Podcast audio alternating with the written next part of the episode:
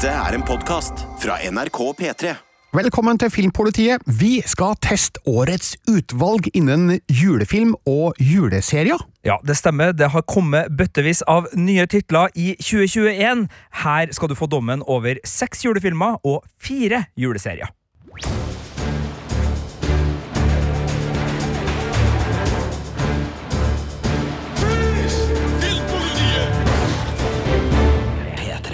Jeg heter Birger Vestmo, Jeg heter Sigurd Vik. og du sa i sted seks filmer og fire serier. Det er mye juleinnhold på en og samme tid. Ja, alt er øh, ferskt for året. Alt er ute som det kan øh, konsumeres nå. Og, og Birger, altså, det er jo ikke alt. Altså, Bare Netflix har tolv nye julefilmer i år. Ja, har du sett alle tolv? Nei, øh, det har jeg rett og slett ikke. Så det betyr at det her er ikke den komplette testen av absolutt alt. Men i likhet med julebrustest, juleøltest, julemattest, så har vi i Filmpolitiet funnet ut at vi må være gode forbrukerjournalister. Vi må finne ut hva er det som er hot, og hva er not eh, av årets eh, nye juletilskudd. Eh, og jeg føler jo, i hvert fall så gjorde jeg det da jeg satt midt inni den her julefilmtåka som jeg var i for noen dager siden, at jeg har eh, den for laget. Det er du som har sett det aller meste her, Sigurd. Det er helt riktig. Jeg har sett et par av de titlene vi skal innom, men hva er det som skal omtales her nå? Du, På filmfronten så er det eh, selvfølgelig Tre nøtter til Askepott, nyversjonen, som skal omtales. Eh, 8-Bit Christmas, eh, A Boy Called Christmas, eller Gutten som ble julenissen, som den heter på norsk. The Princess Switch, film nummer tre, eh, ny av året. Romancing the Star, eh, undertittelen der. Love Hard, ja da, Die Hard nevnes i, i den. Og Borte bra alene, hjemme best. Så det er filmene. Og så er det da Santa Incorporated nisser, julestjerna, ja, den norske som ruller og går på TV2, og vi tar med Hawkeye, for du verden, har ikke vi også fått en superhelt juleactionkomedie eh, i serielandskapet i år? Jo, det har vi fått. Men vi starter altså på det store kinolerretet og en av vinterens aller største publikumssuksesser, Tre nøtter til Askepott. Askepott!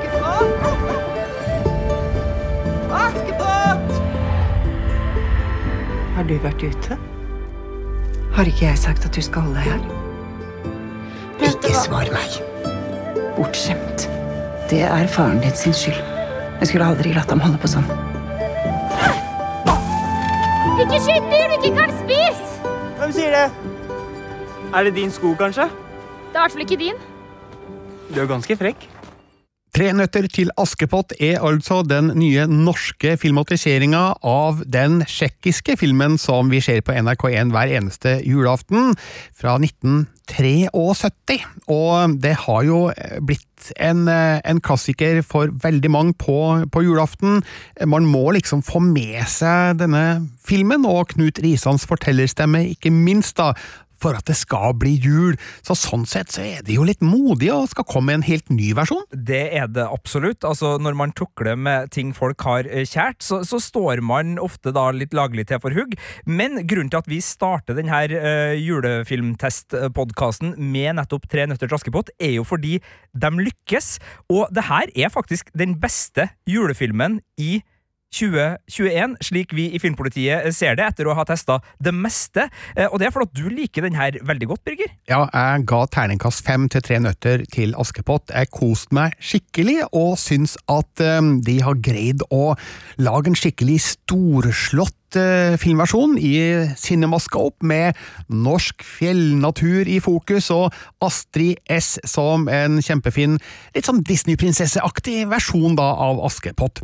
Eh, Jeg har jo sett at noen syns at hun blir for pen og pyntelig da, i forhold til den litt eh, røffere og tøffere tsjekkiske versjonen, men jeg ser jo at de har prøvd å tilnærme seg Frost-estetikken i denne filmen, og rent markedsmessig så er nok det sikkert smart, fordi det er jo hundretusenvis der ute som har et nært forhold til Frost, og når Tre nøtter til Askepott har eh, en stil da, og et uttrykk som kan minne litt om det Disney har hatt suksess med, så er det nok et stort potensial der ute, og det har vi jo sett på publikumstallene.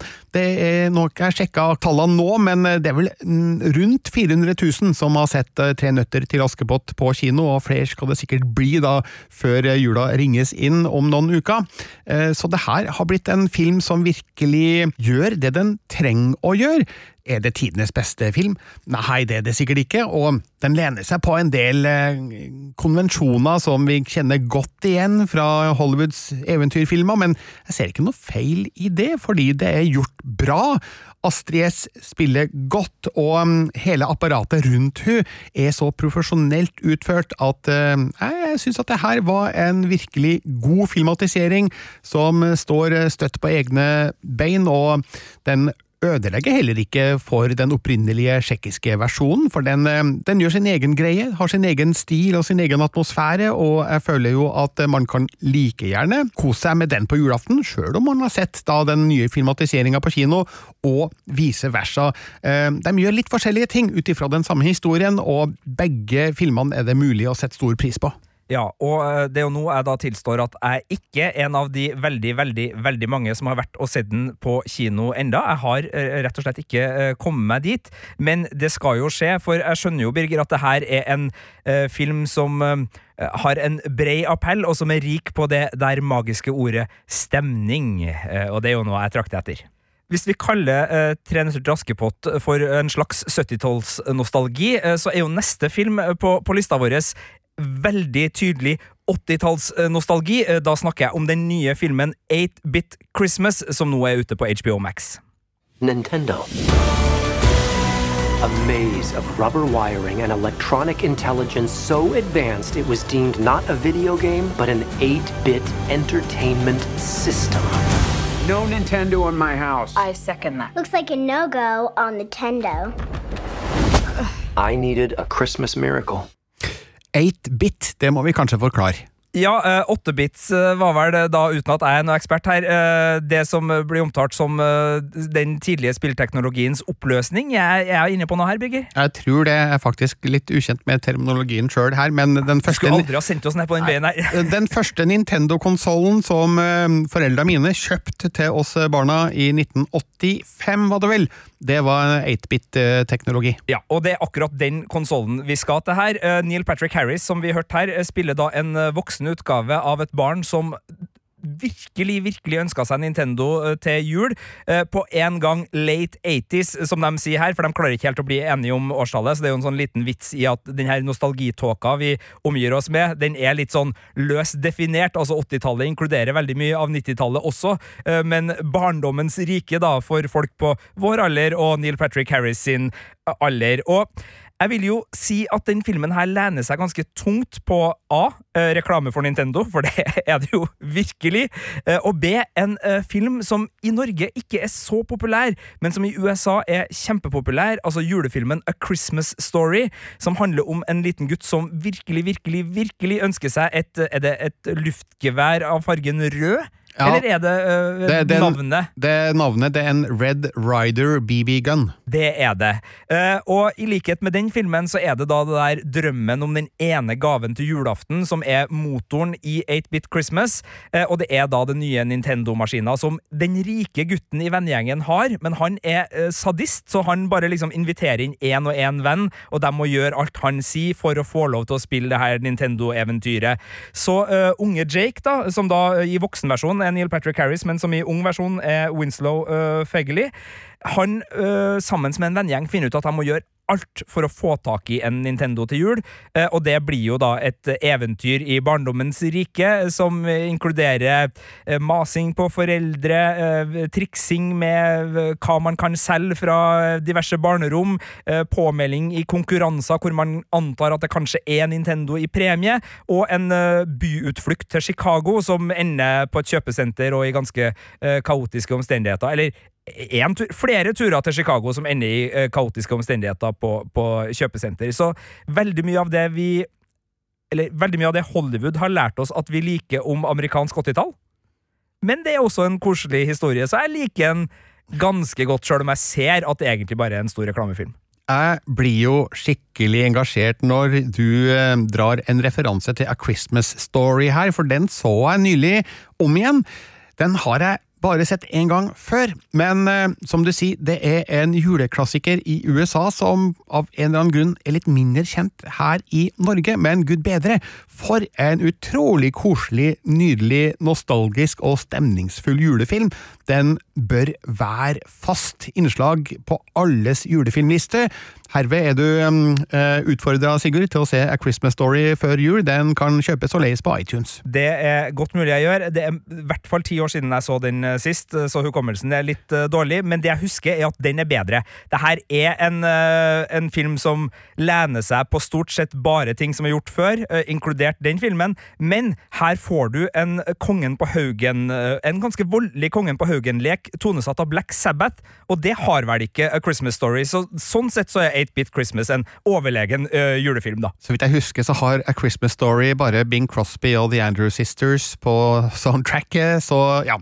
Den var også innspilt i 1983, så Uh, jo, men ja, ja. Heaven en Hell-skiva til Black Sabbath som låta henta fra, kom i 1980, så vidt jeg husker, med Ronny James ja, Dio på vokal. Så, kunne, så, de kunne ha gjort det. Kunne ha gjort det, men handlinga er vel lagt til 40-tallet, så det er mulig at Black Sabbath ble litt rart der. Men ok, uansett, det er noe helt annet, da. 8-Bit Christmas, hvor fant man det? HBO Max har den, er tilgjengelig der nå hvis du har den strømmetjenesten, så da er det bare å glade Da skal vi til årets eh, store julefilm fra Netflix, som heter A Boy Called Christmas, eller på norsk Gutten som ble julenissen.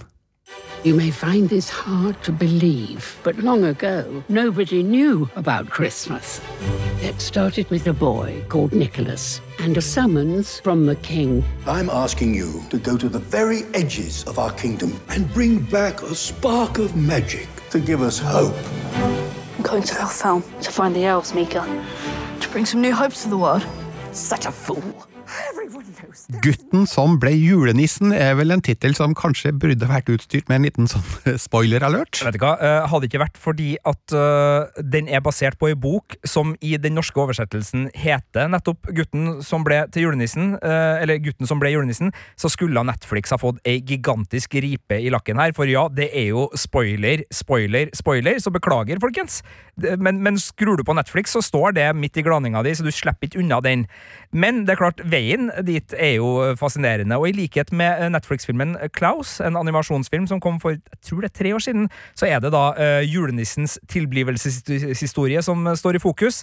Men denne gangen uh, litt mer øh, lettbeint, men også øh, veldig vinkla mot et barnlig eventyr. For det er hele familien som skal kose seg her, og, og det skinner gjennom. Øh, det er både kjente fjes for mange, altså Maggie Smith, som da er kjent fra Harry Potter-filmene og Downton Abbey, sørger jo for å virkelig gi den der 'nå skal dere høre et eventyr'-følelsen. Så har vi jo Rune Temte, norske Rune Temte, som er med som jeger. Han er jo kjent fra Marvel-filmer og, og, ikke minst The Last Kingdom nå, og, og er jo barsk, så, så, han gjør den rollen.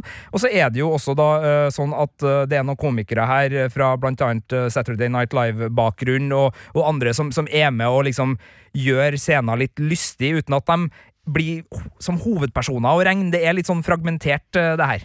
Akkurat. Jeg har også sett denne filmen, og um, uh, jeg, tror, jeg, tror, ikke jeg likte den like godt som det du gjorde, eh, fordi jeg syns ikke han gutten som spilte uh, hovedrollen, var spesielt god. Nei, Henry Lawful heter han, og jeg kan være enig i at det er ikke han som øh, løfter filmen. Han øh, holder vel den bare så vidt sammen. Det, altså, han, han han har ikke den karismaen som gjør at han stjeler filmen. Altså Hvis du tenker på en ung Macauley Culkin som virkelig liksom bare sørga for at han var stjerna i Alene hjemme. Ja, alt, alt sammenlignes mot Macauley Culkin. Når du er barneskuespiller, så er det dessverre den eneste sammenligninga vi i Filmpolitiet har. Så, så det, nei da. Men, men, men, han blir litt pregløs, eh, og, og, han eh, halter litt gjennom noen scener, det er jeg enig i. Men det jeg liker, er um, krydderet underveis, fordi den har såpass mange gode scener.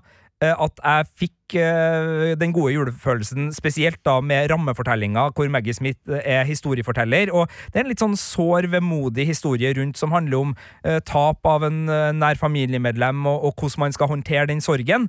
og så syns jeg jo at det er en god hjelper som dukker opp i en eh, magisk by midt inni der, som også løfter det. Og så er jo Jim Broadband artig som kongen.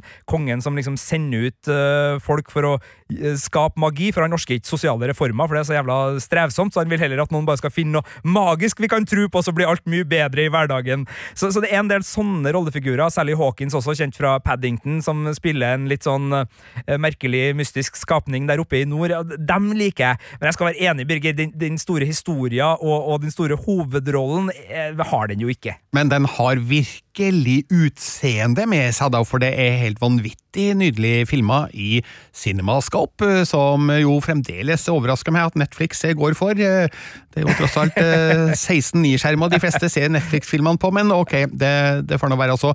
Det er en påkosta produksjon, og det er mer enn nok av eh, snø og jingle bells. eh, Ja, kanskje ikke bokstavelig talt jingle bells, jeg husker ikke helt, men det er i hvert fall nok av eh, juleglor på skjermen. Ja, og, og det her er jo en sånn trygg og god vri hvis man har øh, enten småsøsken eller store søsken, eller skal samle familien øh, en kveld og, og se noe sammen. Altså, Det er vanskelig å gå skikkelig feil med den filmen her, samtidig som den er ikke noe mer enn det trygge valget nå oppunder jula.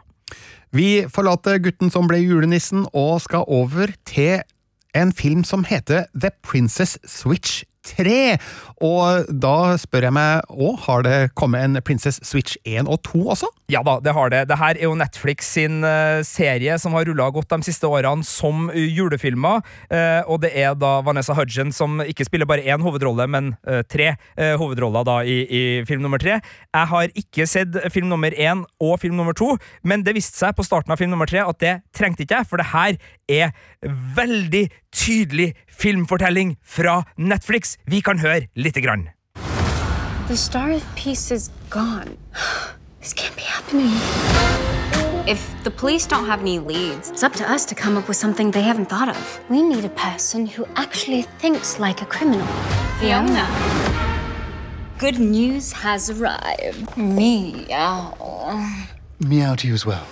The Princess Switch 3 Romancing the Star er den hele og fulle tittelen. Og ja, hvem er Fiona, som vi hørte komme inn her? Og si mjau? Ja, det er den tredje uh, kliss like uh, personen uh, som da uh, spilles av samme skuespiller. For det er sånn at vi har Stacey, som var hovedperson i, i film nummer én, som da er nå prinsesse av kongeriket Belgravia.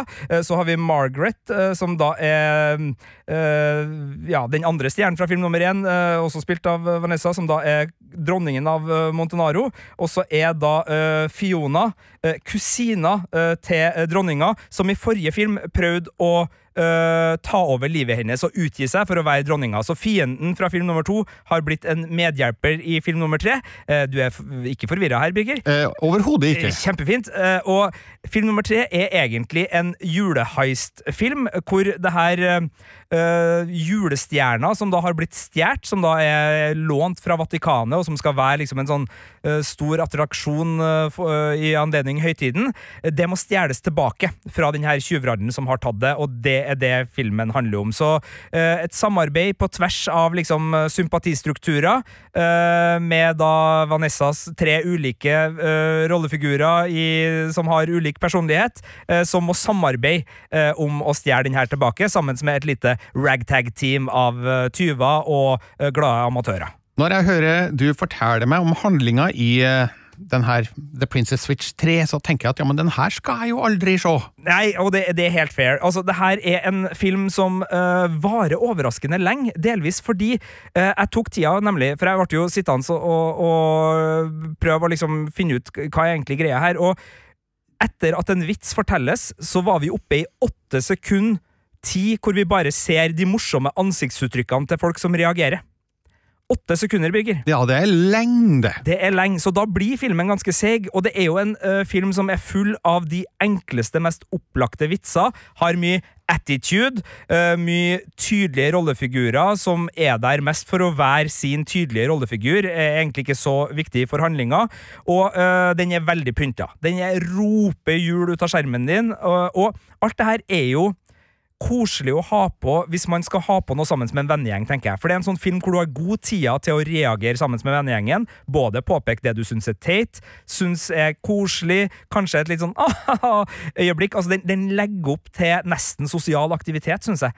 Det, det, er en litt sånn merkelig greie, men det er flere Netflix-filmer som gjør det. Jeg kan også rette inn litt samme kritikken mot Red Notice, som er Netflix sin storfilm eh, i år, med The Rock og Gal Gadot og Ryan Reynolds i hovedrollene. Det er jo en sånn film som er Den virker nesten å være skrudd til for at det skal være en vennegjeng som ser den og uh, ikke, altså, ikke, skal liksom føle at de går glipp av noe hvis de snur seg til sidemannen og leverer altså, en betraktning, eller eventuelt tar opp telefonen litt. Rann. Jeg tror det er en del som tar opp telefonen litt grann, mens de ser den her. Men uh, det er jo det det er. Altså, det her er jo en trashy film med uh, solid produksjon, solide skuespillere, som jeg syns er ganske gørrkjedelig. Det må jeg ærlig innrømme å si, men altså, jeg ser jo at de uh, lykkes jo med det de prøver på, fordi at de prøver ikke på noe mer. Nei, nemlig. Og, og hvis du likte film nummer én og to, så kommer du jo sannsynligvis til å like den her òg. Mm.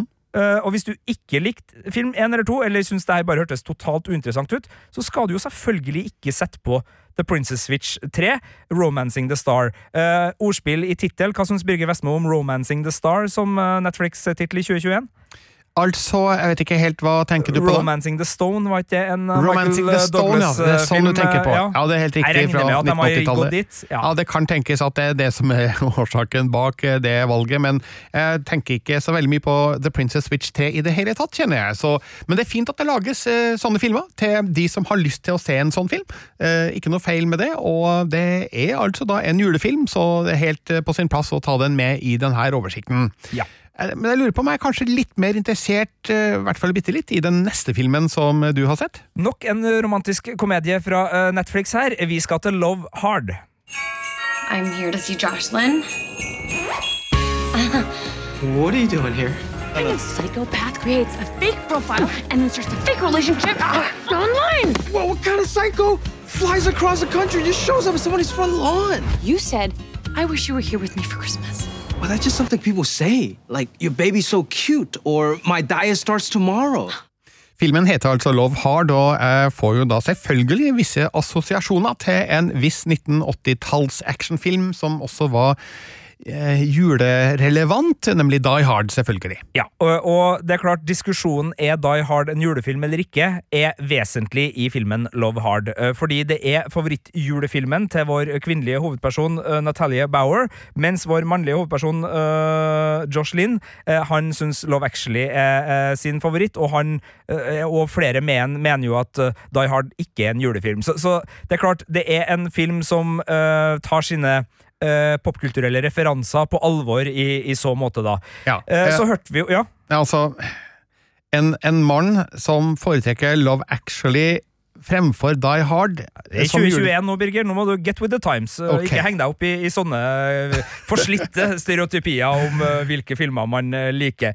Men uh, det er en ganske forslitt eh, film, det her, på, på mange vis. Eh, tar tak i eh, moderne dateapper eh, og sender da vår hovedperson eh, Natalie, spilt av eh, Nina Dobrev, fra Los Angeles til New York, ikke byen, men, men staten, fordi hun tror hun har funnet kjærligheten. Hun, eh, etter venninnetips, har utvida radiusen på sin uh, eh, sjekkeapp og, og får matcher fra, fra et større omfang.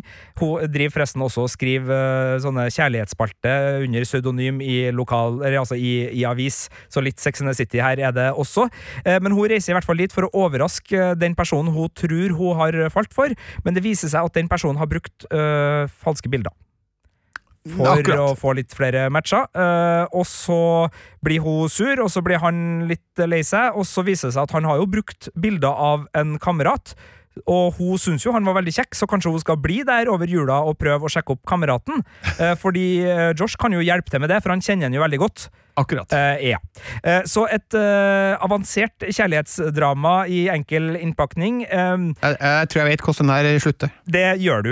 Men heldigvis så er ikke den så dum som den høres ut som, fordi den er festlig. Her er det karaokescener på lokal bar med kiwi-allergi over hele trynet. Her er det en del eh, sånne gode familiescener med brekkekle brødre som kommer hjem for å alltid stjele oppmerksomheten fra mor og far, uansett uansett, så sjøl når det går skikkelig bra for deg, så klarer bror å gjøre et eller annet som gjør at det handler om han. Så, så den har en del sånne eh, ting som den tar litt på kornet, da, og som, som øker humøret betraktelig. Og så må det jo sies at eh, Jimmy O. Yang, som spiller Josh Lynn, kjent fra uh, komedien Silicon Valley, blant annet, han er artig. Han er kjempeartig, Mm. og, og det gjør det eh, bra. Og eh, Nina Dobrev er eh, veldig god til litt sånn Girl Next Door-aktig type eh, eh, hovedperson som du, det er lett å bli glad i, ja, rett og slett. Så Love Hard er en sånn eh, passelig god julefilm, skjønner jeg det rett, men, men også enhver film som kan bidra til at flere oppdager Die Hard som en juleklassiker, som den faktisk er, det syns jeg er bare veldig bra. Ja, øh, men det må sies, altså den holder jo virkelig ikke nivået til de beste romkommene fra, i, i julekategorien, og, og det er fullt mulig å bare la seg irritere her, så, så jeg kjenner jo at jeg legger rikelig med godvilje til, og i perioder så er den her også, i likhet med The Princess eh, Switch 3, dørgende kjedelig, fordi den er jo, som du sier, Birger, så forutsigbar at det nesten ikke er vits. Vi skal til en film på Disney Pluss som jeg har anmeldt. Du har også sett den, Sigurd, og det er jo da den nye filmen fra Alene hjemme-universet. Borte bra, alene hjemme best. My mum and dad have gone to Tokyo. I'm totally on my own. You do realize that my 10 year old son is at home by himself. You just assumed Max was on the other flight. We didn't take a census. We got reports of suspicious people around 36 Lincoln Ave. I can't go to jail, honey. I wouldn't last 30 seconds in Gen Pop. It's where fresh fish get got. Nobody here is getting got. Ok, her er jeg veldig spent på hva du har å si, Sigurd, fordi jeg anmeldte jo Bortebra alene hjemme best til en firer på terningen. Eh, jeg hadde jo visse bange anelser etter å ha sett traileren litt tidligere i vinter, for den syns jeg ikke så bra ut, og så har det jo det faktum at eh, en remake av Alene hjemme er totalt unødvendig i det hele tatt. Men ok, den, den kom på Disney pluss. Jeg, jeg så den i arbeidstida, jeg fikk betalt for å se den, og syntes at nei, men den var jo ikke så verst, da. Den er jo selvfølgelig ikke i nærheten av originalen, men den var heller ikke så ræva som jeg kanskje hadde forberedt meg på at den skulle være. Jeg koste meg. Jeg syns at eh, historien eh, hadde sjarme, og den hadde humor. Ikke i like stor grad som eh, originalen, nei, men Archie Yates, som spiller da Max i filmen, han har en litt annen type sjarm enn det Macaulay Culkin hadde som eh, Kevin, og jeg syns også at eh, switchen i handlinga var ganske bra, fordi det er ikke to kriminelle innbruddstyver som er på farten her, men et ektepar, Pam og Jeff, spilt av Ellie Kemper og Rob Delaney, som tror at Max har stjålet en verdifull porselensdukke fra huset deres, eh, og så skal de bryte seg inn i huset for å ta tilbake denne dukka, fordi de tror jo at hele familien har reist på juleferie til Tokyo, og det har de jo, bare at de har glemt igjen Max. Og der har du liksom utgangspunktet da for Bortebra alene hjemme best. Den er altså på Disney pluss og har gått eh, en lang vei utenom kinolerretet, og jeg kan jo for så vidt forstå at det var jo ikke en kinofilm det var ment å være heller. Det kan du for så vidt se i produksjonen, det er litt sånn eh, det vi i gamle dager kunne ha kalt en rett på DVD-film, eller rett på strømming, er det det vel vi sier nå.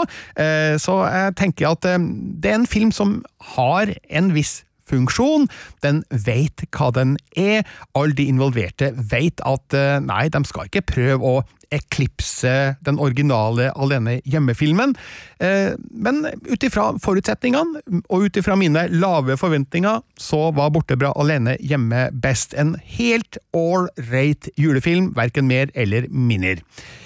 Ja, og da skal du få slippe det, Sigurd. Hva syns du om filmen? Jeg syns du var raus, uh, Birger. Eh, det må jeg uh, si. Jeg syns du var snill når du ga terningkast fire til uh, Bortebra alene hjemme best. Når det er sagt, så var det her Altså, problemet til den filmen er jo at den ikke eh, lansere seg sjøl som Alene hjemme 6, som på en måte ville ha vært den naturlige plassen i rekka. For ja, vi har fått fem Alene hjemme-filmer uh, opp til nå, men at den på en måte skulle være en ny ener. Eh, og den har jo da også med en skuespiller fra eh, første, film, første og andre filmen. Altså eh, Han som spiller broren til Kevin McAllister, Buss McAllister, han er jo med her eh, som Buss McAllister. Eh, og dermed så er det jo også en oppfølger, altså en direkte oppfølger til Alene hjemme 2.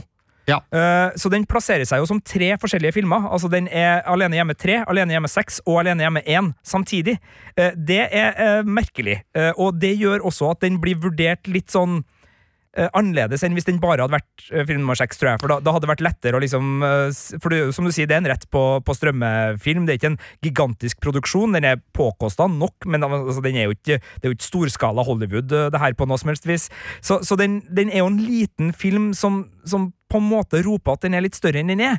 Eh, Så der er det et lite stilbrudd. Og den største stjerna i filmen, i tillegg til den unge hovedpersonen, er vel Ellie Kemper, som spiller den ene innbruddstyven, kjent blant annet da for uh, Netflix-serien uh, The Unbreakable Kimmy Schmidt. Jeg syns jo hun er det beste med filmen. Jeg syns hun er alltid artig, også her. Og jeg liker, som du sier, at øh, skurkene har fått en litt mer sånn sosialrealisme i, i motivasjonen. Altså at det er to folk vi liker og har sympati med, som dessverre er i en pressa situasjon, fordi øh, ja, øh, jobbmarkedet i USA kan være, øh, kan være brutalt. Ja, de står rett og slett i fare for å miste huset sitt, som jo mange amerikanere har opplevd de siste åra, og det er derfor det er så viktig for dem å få tak i denne dukka, for de oppdager at den er jo verdt veldig mye penger. Ja, og så er det da ting rundt akkurat det plottet som jeg sliter med.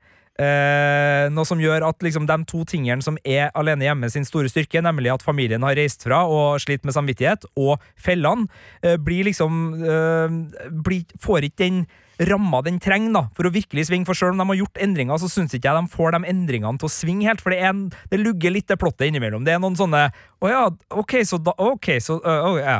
så du, du må eh, ta noen sånne kameler underveis som jeg syns var i, i overkant. Pluss at jeg syns også dramaturgien sånn sammenligna Men igjen, da, Birger, du sa jo at vi ikke skulle sammenligne, men, men sammenligna med det vi har fått før, så er jo altså, spenningskurva mye flatere her, uh, jevnt over. Så jeg hadde nok kanskje eh, vært litt strengere på terningen enn det, men, men jeg er enig i at det var en eh, sjarmerende og hyggelig film som jeg vil tro for de minste fungerer godt, samtidig som den der um, um, leken med det voksne publikummet syns jeg burde ha vært bedre. Altså, det er direkte referanser til at uh, vi er i en oppfølger her, ved at folk sitter og ser på oppfølgere og kommenterer at de bør egentlig bare la ting være. Hvorfor skal de re eh, lage remake av originalen? Det påpekte jo du i anmeldelsen din nå.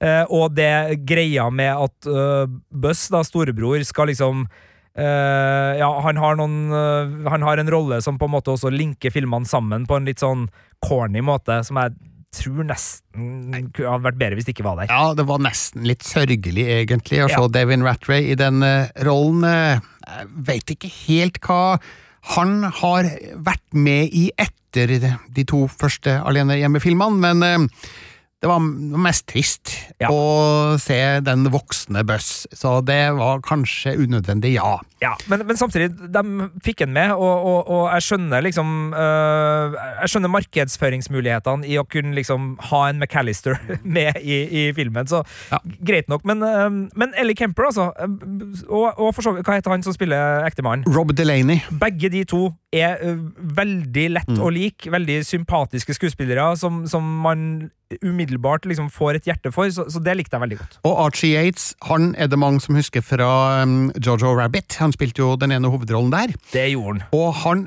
er en Jeg husker jeg skrev i anmeldelsen min at han er nok en bedre skuespiller enn det Macaulay Culkin var i eh, de opprinnelige filmene.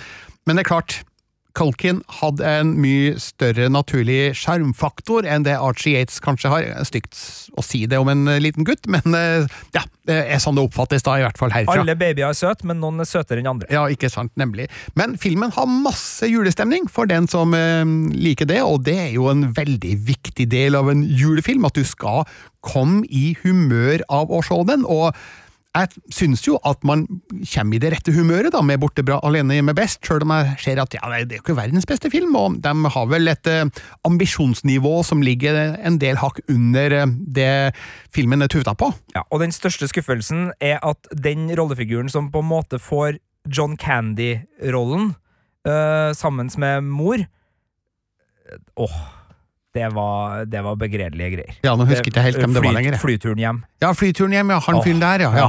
ja, ja. Eh, eh, Der, altså, det var John Candy, Ja. liksom i en sånn type rolle, i Alene hjemme 1. Akkurat. Fantastiske John Candy. Polka, polka, polka. Du har hørt de hitene her. ikke sant? Så, så for gå fra det til liksom han fyren på det flyet Mm. ja. Nei da, øh, men skal, vi skal ikke sammenligne. Vi skal ikke sammenligne, Birgit! Nei, altså jeg skjønner jo at veldig mange kommer til å gjøre nettopp det. De kommer til å sammenligne Borte bra alene hjemme best med Alene hjemme 1 og 2, og da er den jo nødt til å tape så det synger. Men eh, min innstilling til den filmen er at uh, den gjør det den forsøker å gjøre. Den forsøker å være en sånn billig TV-versjon av eh, de originale filmene, spesielt av den første, åpenbart. Og sånn sett så oppfyller den kravene mine til hva en slik liten film skal gjøre. Ja, Og du kommer til å tenke deg om to og tre ganger før du hopper på en trampoline igjen. Ja, Det kan vi si. det kommer du også til å gjøre. Men eh, ja, ikke verdens beste film, og den terningkastfireren min, den, eh, den er kanskje en veldig svak firer, hvis det går an å si. Vi har jo ikke noe svake og sterke karakterer på skalaen vår egentlig, men jeg kan jo si det med rene ord, da, at eh, fire minus da, kan være en grei karakter til Borte bra alene hjemme best. Da skal vi forlate julefilmene og over på juleserier som er nye og aktuelle i år. Ja, og, og jeg tror vi bare holder oss på Disney Pluss, for det er Disney Pluss som har uh, Home Sweet Home Alone, eller Alene hjemme. Uh, nei, uh, Borte bra, alene hjemme best. Uh, de har da også en ny superheltserie som heter Hawkeye, og som foregår i New York rett oppunder jul. You're Hawkeye. Who the hell are you? Some people have actually called me the world's greatest archer. Are you one of those people? It's the most wonderful. Hey, babe, I should be back in a day or two. Hang on a second. With the kids jingle belling and everyone Things have gotten more complicated.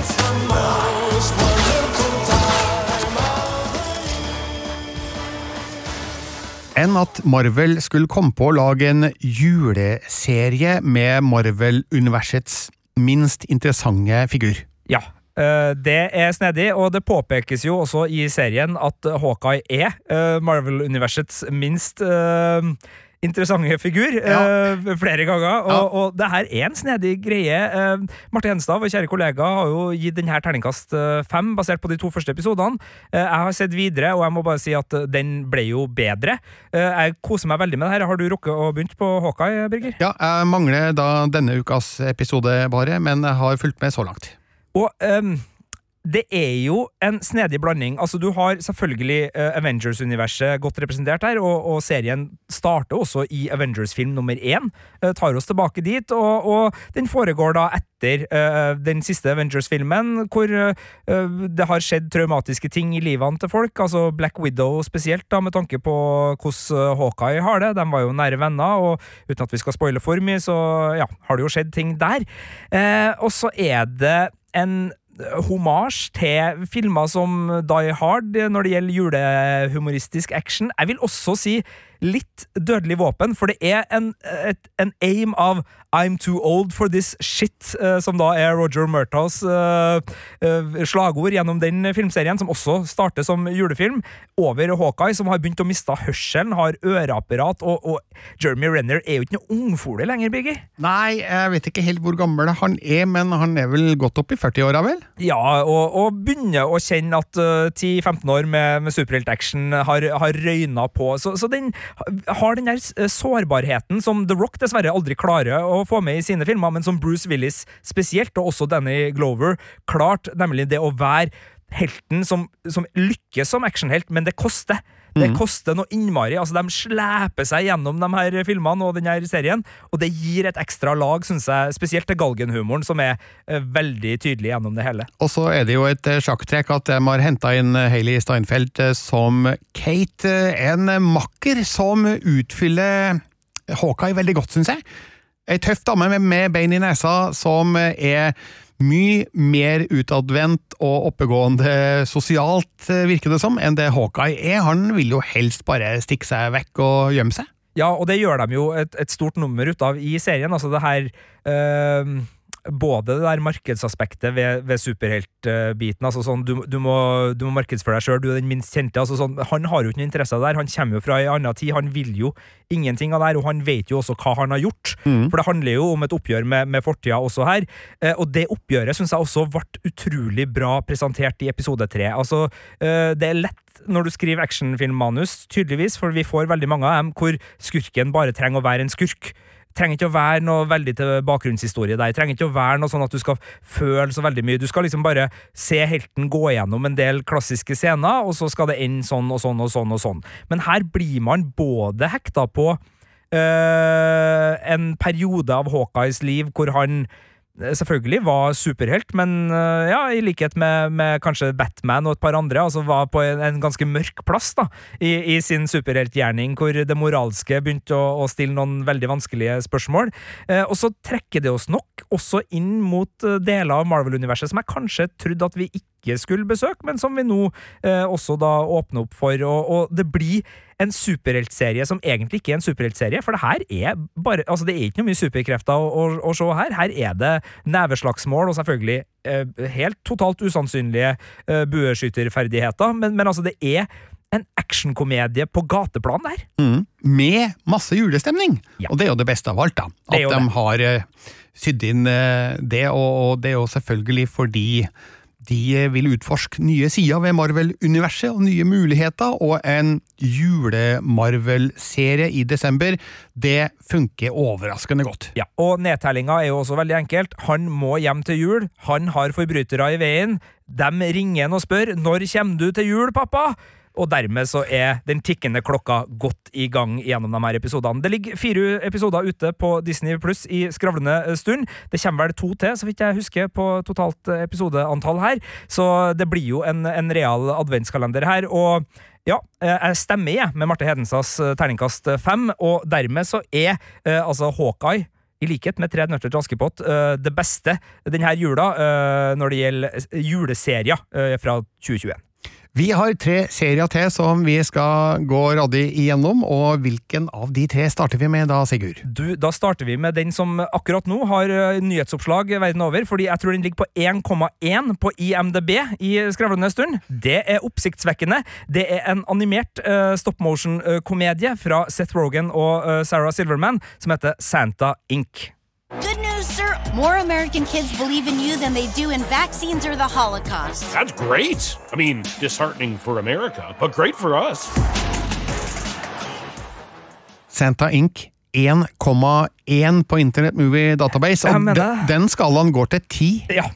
Det, det betyr at uh, denne serien er ikke godt likt? Nei, den har nok uh, trigga noe som gjør at det har vært en liten aksjon, uh, kan man vel mistenke. Og det er i hvert fall det Seth Rogan sjøl uh, mistenker når det gjelder akkurat de tallene. Jeg tror de er med på 4, et eller annet på Rotten Tomatoes score, så, så det, det har nok vært en liten aksjon for å få ned uh, uh, likesa på, på akkurat Santa Inc. Og det her er jo da en arbeidsplasskomedie satt til Nordpolen, hvor um, hvite, gamle gubber er um, i, i, fokus uh, som skyts. og det er en ung kvinnelig alv som sikter på jobben som julenissen.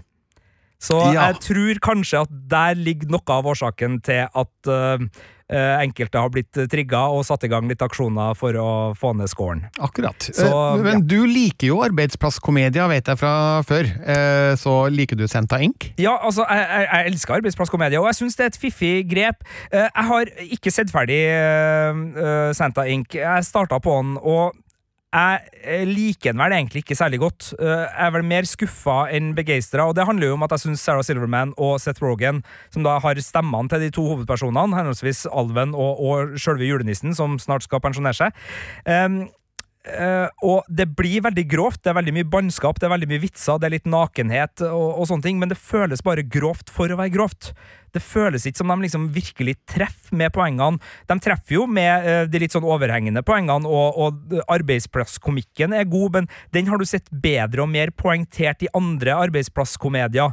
Eh, Superstore er jo en eh, arbeidsplasskomedie med klasseskiller og en del samfunnspoeng som kommer tilbake med sin finalesesong på Netflix nå 15. desember. Jeg syns det er en arbeidsplasskomedie som treffer med sin sosiale kritikk, eller samfunnskritikk. Det lille jeg har sett av Santa Inc., virker å være ganske åpne låvedører og ganske sånn eh, tydelige eh, beskjeder som, som ikke leveres med den raffinerte og litt sånn den der overraskende gode og øh, kanskje vonde humoren, den som, den som virkelig treffer i mellomgulvet.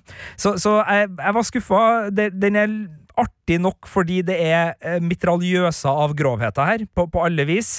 Uh, og det er altså sånn Fedre som ber døtrene sine om å gjemme pornoen deres hvis de dør. Altså, det, det, er, det er jo grovt, det er jo ikke det, men, men altså, det er ikke så sabla artig. Jeg, jeg, klarer ikke, jeg, jeg tror ikke jeg flirer en eneste gang. Så, øh, så den er grei. Jeg tror det er dem som Hva heter den Sausage Party-filmen? Hva heter den på norsk? Uh, sausage Party. Den heter ja. Det er dem som står bak, øh, og den òg hadde jo litt problemer, syns jeg. Jeg syns ikke det var mer enn en sånn øh, terningkast to, terningkast tre-film. Og det her ja, det er i hvert fall ikke noe over terningkast tre, sånn uh, ut fra, fra starten å, bedømme. Så uh, dere som ser 1,1 og 4, et eller annet, altså det, det, det vil jeg påstå er useriøst, for det her er godt laga, og, og det er kjente stemmer, og det er øh, drøy humor. øh, Reinsdyrene er på meth. øh, altså det, det, det er ting her som vil glede liksom, South Park-fans og andre som, som elsker at det tas i når det gjelder det, det kjente og kjære og familievennlige.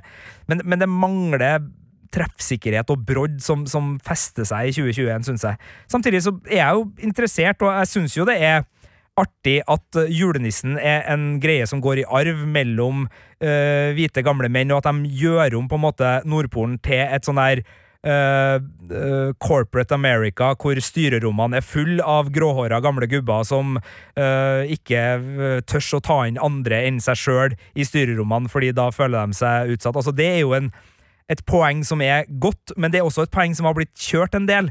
Så, så du skal jo liksom være litt sånn ekstra god da, hvis du skal klare å gjøre noe mer ut av det. Og der syns jeg Santa Inc. skuffa litt. Så jeg applauderer initiativet, men jeg syns utførelsen var litt slapp. Jeg tenker at Santa Inc. skal droppes, rett og slett. Skal aldri se den, men HBO Max ligger den på, øh, hvis du skulle få lyst til å se den. Ok, ja, takk for informasjon, som er helt unødvendig, Sigurd. uh, for jeg skal ikke se Senta Inc., men hva med den danske serien uh, Nisser? Ja, hvis du liker litt sånn juleskrekk, så er det det den prøver på, i hvert fall. Hva er det? Hey! Det er privatvei. Og neste gang, så tar jeg kystveien. Vi ramte sådan noget med bilen. Det tror jeg så ikke, vi gjorde. Ja. Du er så irriterende seriøst. Er du her? Ja, juleskrekk. Hvorfor ikke? Men hvor skrekkelig snakker vi om? Nei, altså, ikke så artig som Gremlins, og ikke så skrekkelig som Gremlins. Uh, det her er dessverre en liten juleskuffelse fra Danmark. Uh, Premisset er lovende nok. Altså, en familie som trenger å komme litt ekstra godt sammen, som er fra storbyen, de har leid seg i hytte på ei ja, ganske sånn isolert øy ute i den danske skjærgården for å feire jula sammen uten liksom mobiltelefoner og kjas og mas, bare den der gode, gamle godfølelsen. Og så er det sånn da at de ankommer med ferge, og faren i familien får beskjed fra lokalbefolkninga veldig tydelig du skal kjøre kystveien. Men gjør han som han får beskjed om? Nei. Nei. Han kjører rett over øya. Der eh, virker det som at bilen treffer et eller annet. Uh, men de finner ikke noe, så de bare kjører videre. Uh, og så oppdager dattera i familien, som er liksom egentlig vår hovedperson, da, at det er en skada liten skogsnisse. Som hun da finner og tar med inn på låven og, og begynner å pløye og pleie. Og veldig sånn lykketrollaktig søte uh, greie, det her. Men så får vi også vite at det er noen store gjerder på øya. lokalbefolkninga ofrer kyr til noen. Eh, og eh, etter ei lita stund så vil skognissene ha tilbake barnet sitt, og da bryter helvete løs. Men det er jo et godt premiss, fordi nissemytologien den er jo egentlig mye mørkere og blodigere enn den her amerikaniserte cola-nissen som vi forbinder jula med nå. Hvorfor greier de ikke å gjøre noe ordentlig ut av det? For de bygger ikke mytologien rundt nissene ut ordentlig. De er bare der som øh, bø-elementer, altså skrekkelementer, og det er aldri veldig skummelt. Og det er ikke så veldig god julestemning her. Det er ikke noe artig når de burde være artig, så det er en litt sånn tam tenåringsserie som vil være litt skummel og litt morsom, men tør ikke å ta steget helt ut. Og så er miljøskildringene jevnt over flat. og både rollefigurer og til dels også skuespillerprestasjoner, selv om det er noen unntak der. Sånn grei nok, men ikke noe mer. Eh, og eh, det er én uh, person som, som, løfter det. Det er Ann Eleonora Jørgensen, kjent fra Forbrytelsen, som spiller den kvinnelige litt sånn landsbyhøvdingen på denne øya. Hun er god. Hvis folk var som hun i resten av filmen her, eller serien her det, eller det er nesten en film, det er seks halvtimesepisoder, altså en tretimers uh, total spilletid. da. Hvis folk har vært på det nivået, da hadde det vært topp. Altså, Da hadde det virkelig kunnet bli noe. For det er som du sier, altså, det er masse potensial her, og, og da jeg leste synopsisen Selvfølgelig skal jeg anmelde det her. Jeg, jeg gleder meg, høres kjempeartig ut. Og så ble det bare en sånn kjedelig, seig, tam variant som ikke helt klarte å være verken fugl eller fisk. Så den fikk terningkast tre. Uh, jeg ser at uh, folk ser den, uh, og, og, det er godt mulig at jeg er surmaga. Og det er også litt sånn snedig, for at den er så mild i veldig mye at den egner seg for barn. Samtidig så er den så blodig at den får 13-årsgrense. Akkurat. Så, så, jeg er litt sånn usikker på om Netflix liksom håper at 11-åringer skal få lyst til å se den fordi den har 13-årsgrense. Mm. Og at det dermed er det segmentet de sikter seg inn på. For, for de har liksom de burde nesten ha gjort den fjerna blodet og bare gått for å lage en barneserie i stedet for, som skulle være litt skummel. Mm.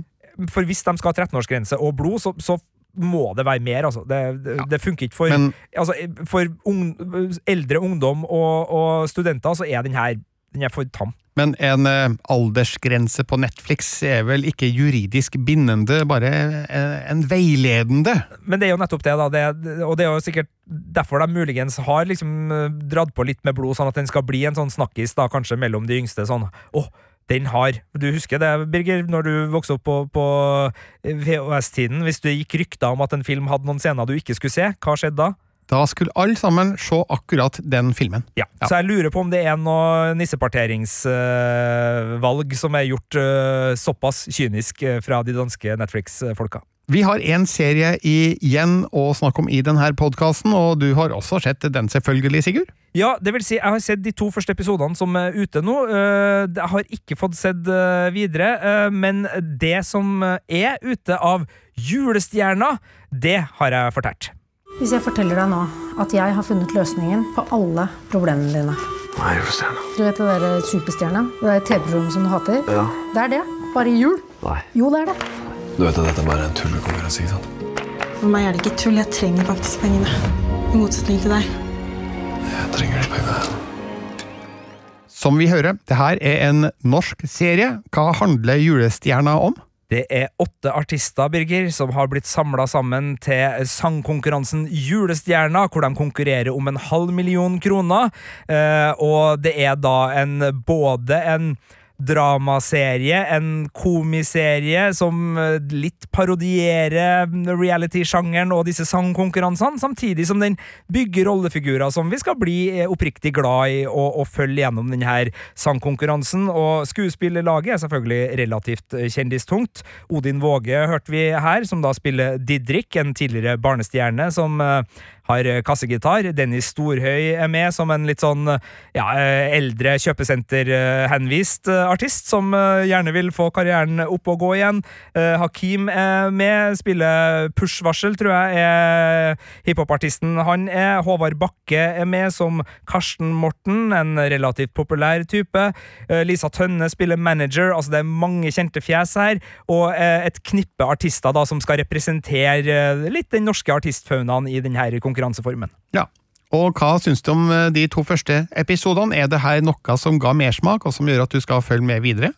Altså, svaret blir vel ja på det. Eh, samtidig som jeg ikke har latt meg eh, liksom blåse av banen av hvor bra det er. Det er litt sånn forvirrende, for den er av og til litt standup. Av og til så er det parodi, og av og til så er det ektefølt eh, sånn eh, hjertetrekkende drama vi får servert. For bakhistoriene til de ulike artistene, altså hvorfor de trenger pengene, de er ganske ulike, og går fra da eh, en artist som vil være med for å skape ekstra oppmerksomhet rundt eh, at vi ikke skal spise gris i jula, og dyrevelferd, og den artisten syns jeg serien behandler ganske parodisk, eh, samtidig som liksom alkoholisme og det å få penger til barns operasjon behandles veldig sånn tårevennlig. Og så går den historien da rundt i, som såpeskuespiller i kulissene, og det elsker jeg, og, og prøver å psyke ut motstanderne. Så, så, den har flere kvaliteter. Det er litt rart at alt er samla i den samme serien innimellom. altså Spennet blir litt stort, men, men jeg merker jo at øh, den får til det den prøver på. Og det er jo Hjem til jul-folk, øh, altså den Netflix-komedien som er ute med to sesonger der, som står bak det her. Ikke akkurat de samme, men det kommer litt fra samme tida. Og den òg hadde jo det her spennet mellom drama og komedie og Dennis Storhøy og ja. Så, så, hvis du likte Hjem til jul veldig godt, så er det nok gode muligheter for at også julestjerna fungerer for deg, men det her er bare underholdning. Altså, det, det er ikke noe uh, mer, i hvert fall ikke på de, de to første episodene. Det er uh, humor for det norske publikum, som har sett mye norsk TV, og som liker å humre over det, og kose seg med litt sånn ekstra snakke ut om den tøffe tida-type dramatikk, da. Men får du julestemning? Ja, på et sånt danskebåten-aktig vis, for de har jo pynta det her programmet veldig til jul. Det er jo julemusikken som gir julestemninga, og det skal sies, der er det jo noe, spesielt en framførelse av Deilig er jorden, som er veldig, veldig vakker, og så er det jo litt humor med uh, at art sjøl godt kjente artister kan huske tekst feil, eller tro at teksten er annerledes, og det blir også litt sånn uh, ja, uh, tekstkrenking uh, på, på julesangvis, så, så der er det noe, noe humor. Men jo da, den, den, ligger der og, og, dveler, og jeg er litt usikker på, på hvor den ender og hvor den skal. Jeg syns episode én var veldig all over the place. Og så I episode to, hvor sangkonkurransen kom i gang, så ble det litt mer tydelig den episodiske strukturen. Så jeg kommer nok til å være med videre på både episode tre, fire og fem og seks, for det er seks episoder totalt der. To er ute på TV2 Play nå. Der kommer det nye episoder hver fredag. Og så tror jeg 19. desember er premieredatoen for at det her skal gå på TV2 på lineærkanalen, sånn at også ja, mine foreldre får sett det her tett oppunder jula. da. Så et litt annerledes, annerledes tilskudd til, til det ellers ganske kalenderfokuserte norske jule-TV-landskapet, hvor vi også har nissene, uh, nissene, på Bingen, er det vel nå, ja, og uh, Magiske Tivoli-teater, som ruller og går på henholdsvis NRK og uh, Discovery denne julen. Men nei, jeg syns Julestjerna var et ujevnt, men, men interessant tilskudd der. Nå har vi gått gjennom seks julefilmer og fire juleserier. Du har sett det aller meste av det, Sigurd. Orker du mer jul på film og TV nå før jul? Ja, altså jeg så uh, Skrudd, eller Scrooged, uh, i, i, går. Anbefales. Ligger på TV2 Play. Det er da en julefortelling, uh, ført i pennen av Charles Dickens, men her fremført av Bill Murray på det glade 80-tall. Eh, regissør Richard Donner, som også hadde et par eh, ja, dødelige våpen. Dødelige våpen og, og Goonies og Ja, ja, masse fint. Så det er også en anbefaling fra meg. Jeg hadde en liten vennegjeng over på, på den, og vi kosa oss. Har holdt seg ganske bra. Altså medieparodier på uh, fæle sjefer i USA i 1988, som Santa Inc. for så vidt er et bevis på. Uh, det holder seg, fordi uh, mediesjefer er alltid artig å, å pirke borti. Så Scrooge, den anbefales, Birger. Og jeg kommer nok i hvert fall til å se Die Hard før bjellene ringer inn. muligens også Jeg ser Netflix pushe The Holiday og Love Actually ganske hardt på meg nå. Kan hende at jeg i et svakt øyeblikk ramler ut på de òg. Hvis du ser Die Hard, så kan du jo like godt bare fortsette å se Die Hard 2, som også er en ypperlig julefilm. Det er jeg helt enig med deg men ja. da kommer jeg også sannsynligvis til å havne over på Die Hard 3, som er en nydelig sommerfilm, så det kan bekke det der. På p3.no Filmpolitiet, der finner du nå en artikkel med oversikt over de ti beste julefilmene som vi i redaksjonen trives veldig godt med før jul. Det gjør du. Det er ingen av de uh, filmene og seriene vi har snakka om uh, i denne podden som er der. Der er det nemlig all time favorites. Så hvis du vil ha de absolutte uh, forhåndstipsene våre for en ja, skal vi si garantert julestemning, er ikke det vi sier i artikkelen, Birger? Eh, omtrent der. Ja, vi kan garantere julestemning hvis man ser hvilken som helst av de ti. Vi har også flere andre filmanmeldelser og serieanmeldelser der, så p3.no Filmpolitiet er den adressen. Du kan sende oss en e-post til filmpolitiet alfakrøll.nrk.no om du har en kommentar eller et spørsmål, og så må du slå et slag for den andre podkasten som går eh, nå om dagen, Sigurd? Ja, det stemmer. Marte Hedenstad og jeg har en podkast via fantasy-serien The Wheel of Time, eh, der vi ser serien og skravler om den i etterkant. Det vil si, vi recapper hver episode. Eh, ønsker å høre fra dere hva dere syns er best og verst, eller om dere har spørsmål. Så bare send alt som har med The Wheel of Time å gjøre, til filmpolitiet alfakrøll nrk.no. Det er en mandagspodkast og ligger da i appen NRK Radio. Denne podden er over. I studio i dag satt Birger Vestmo og Sigurd Vik. Du har hørt en podkast fra NRK P3. De nyeste episodene og din favorittkanal hører du i appen NRK Radio.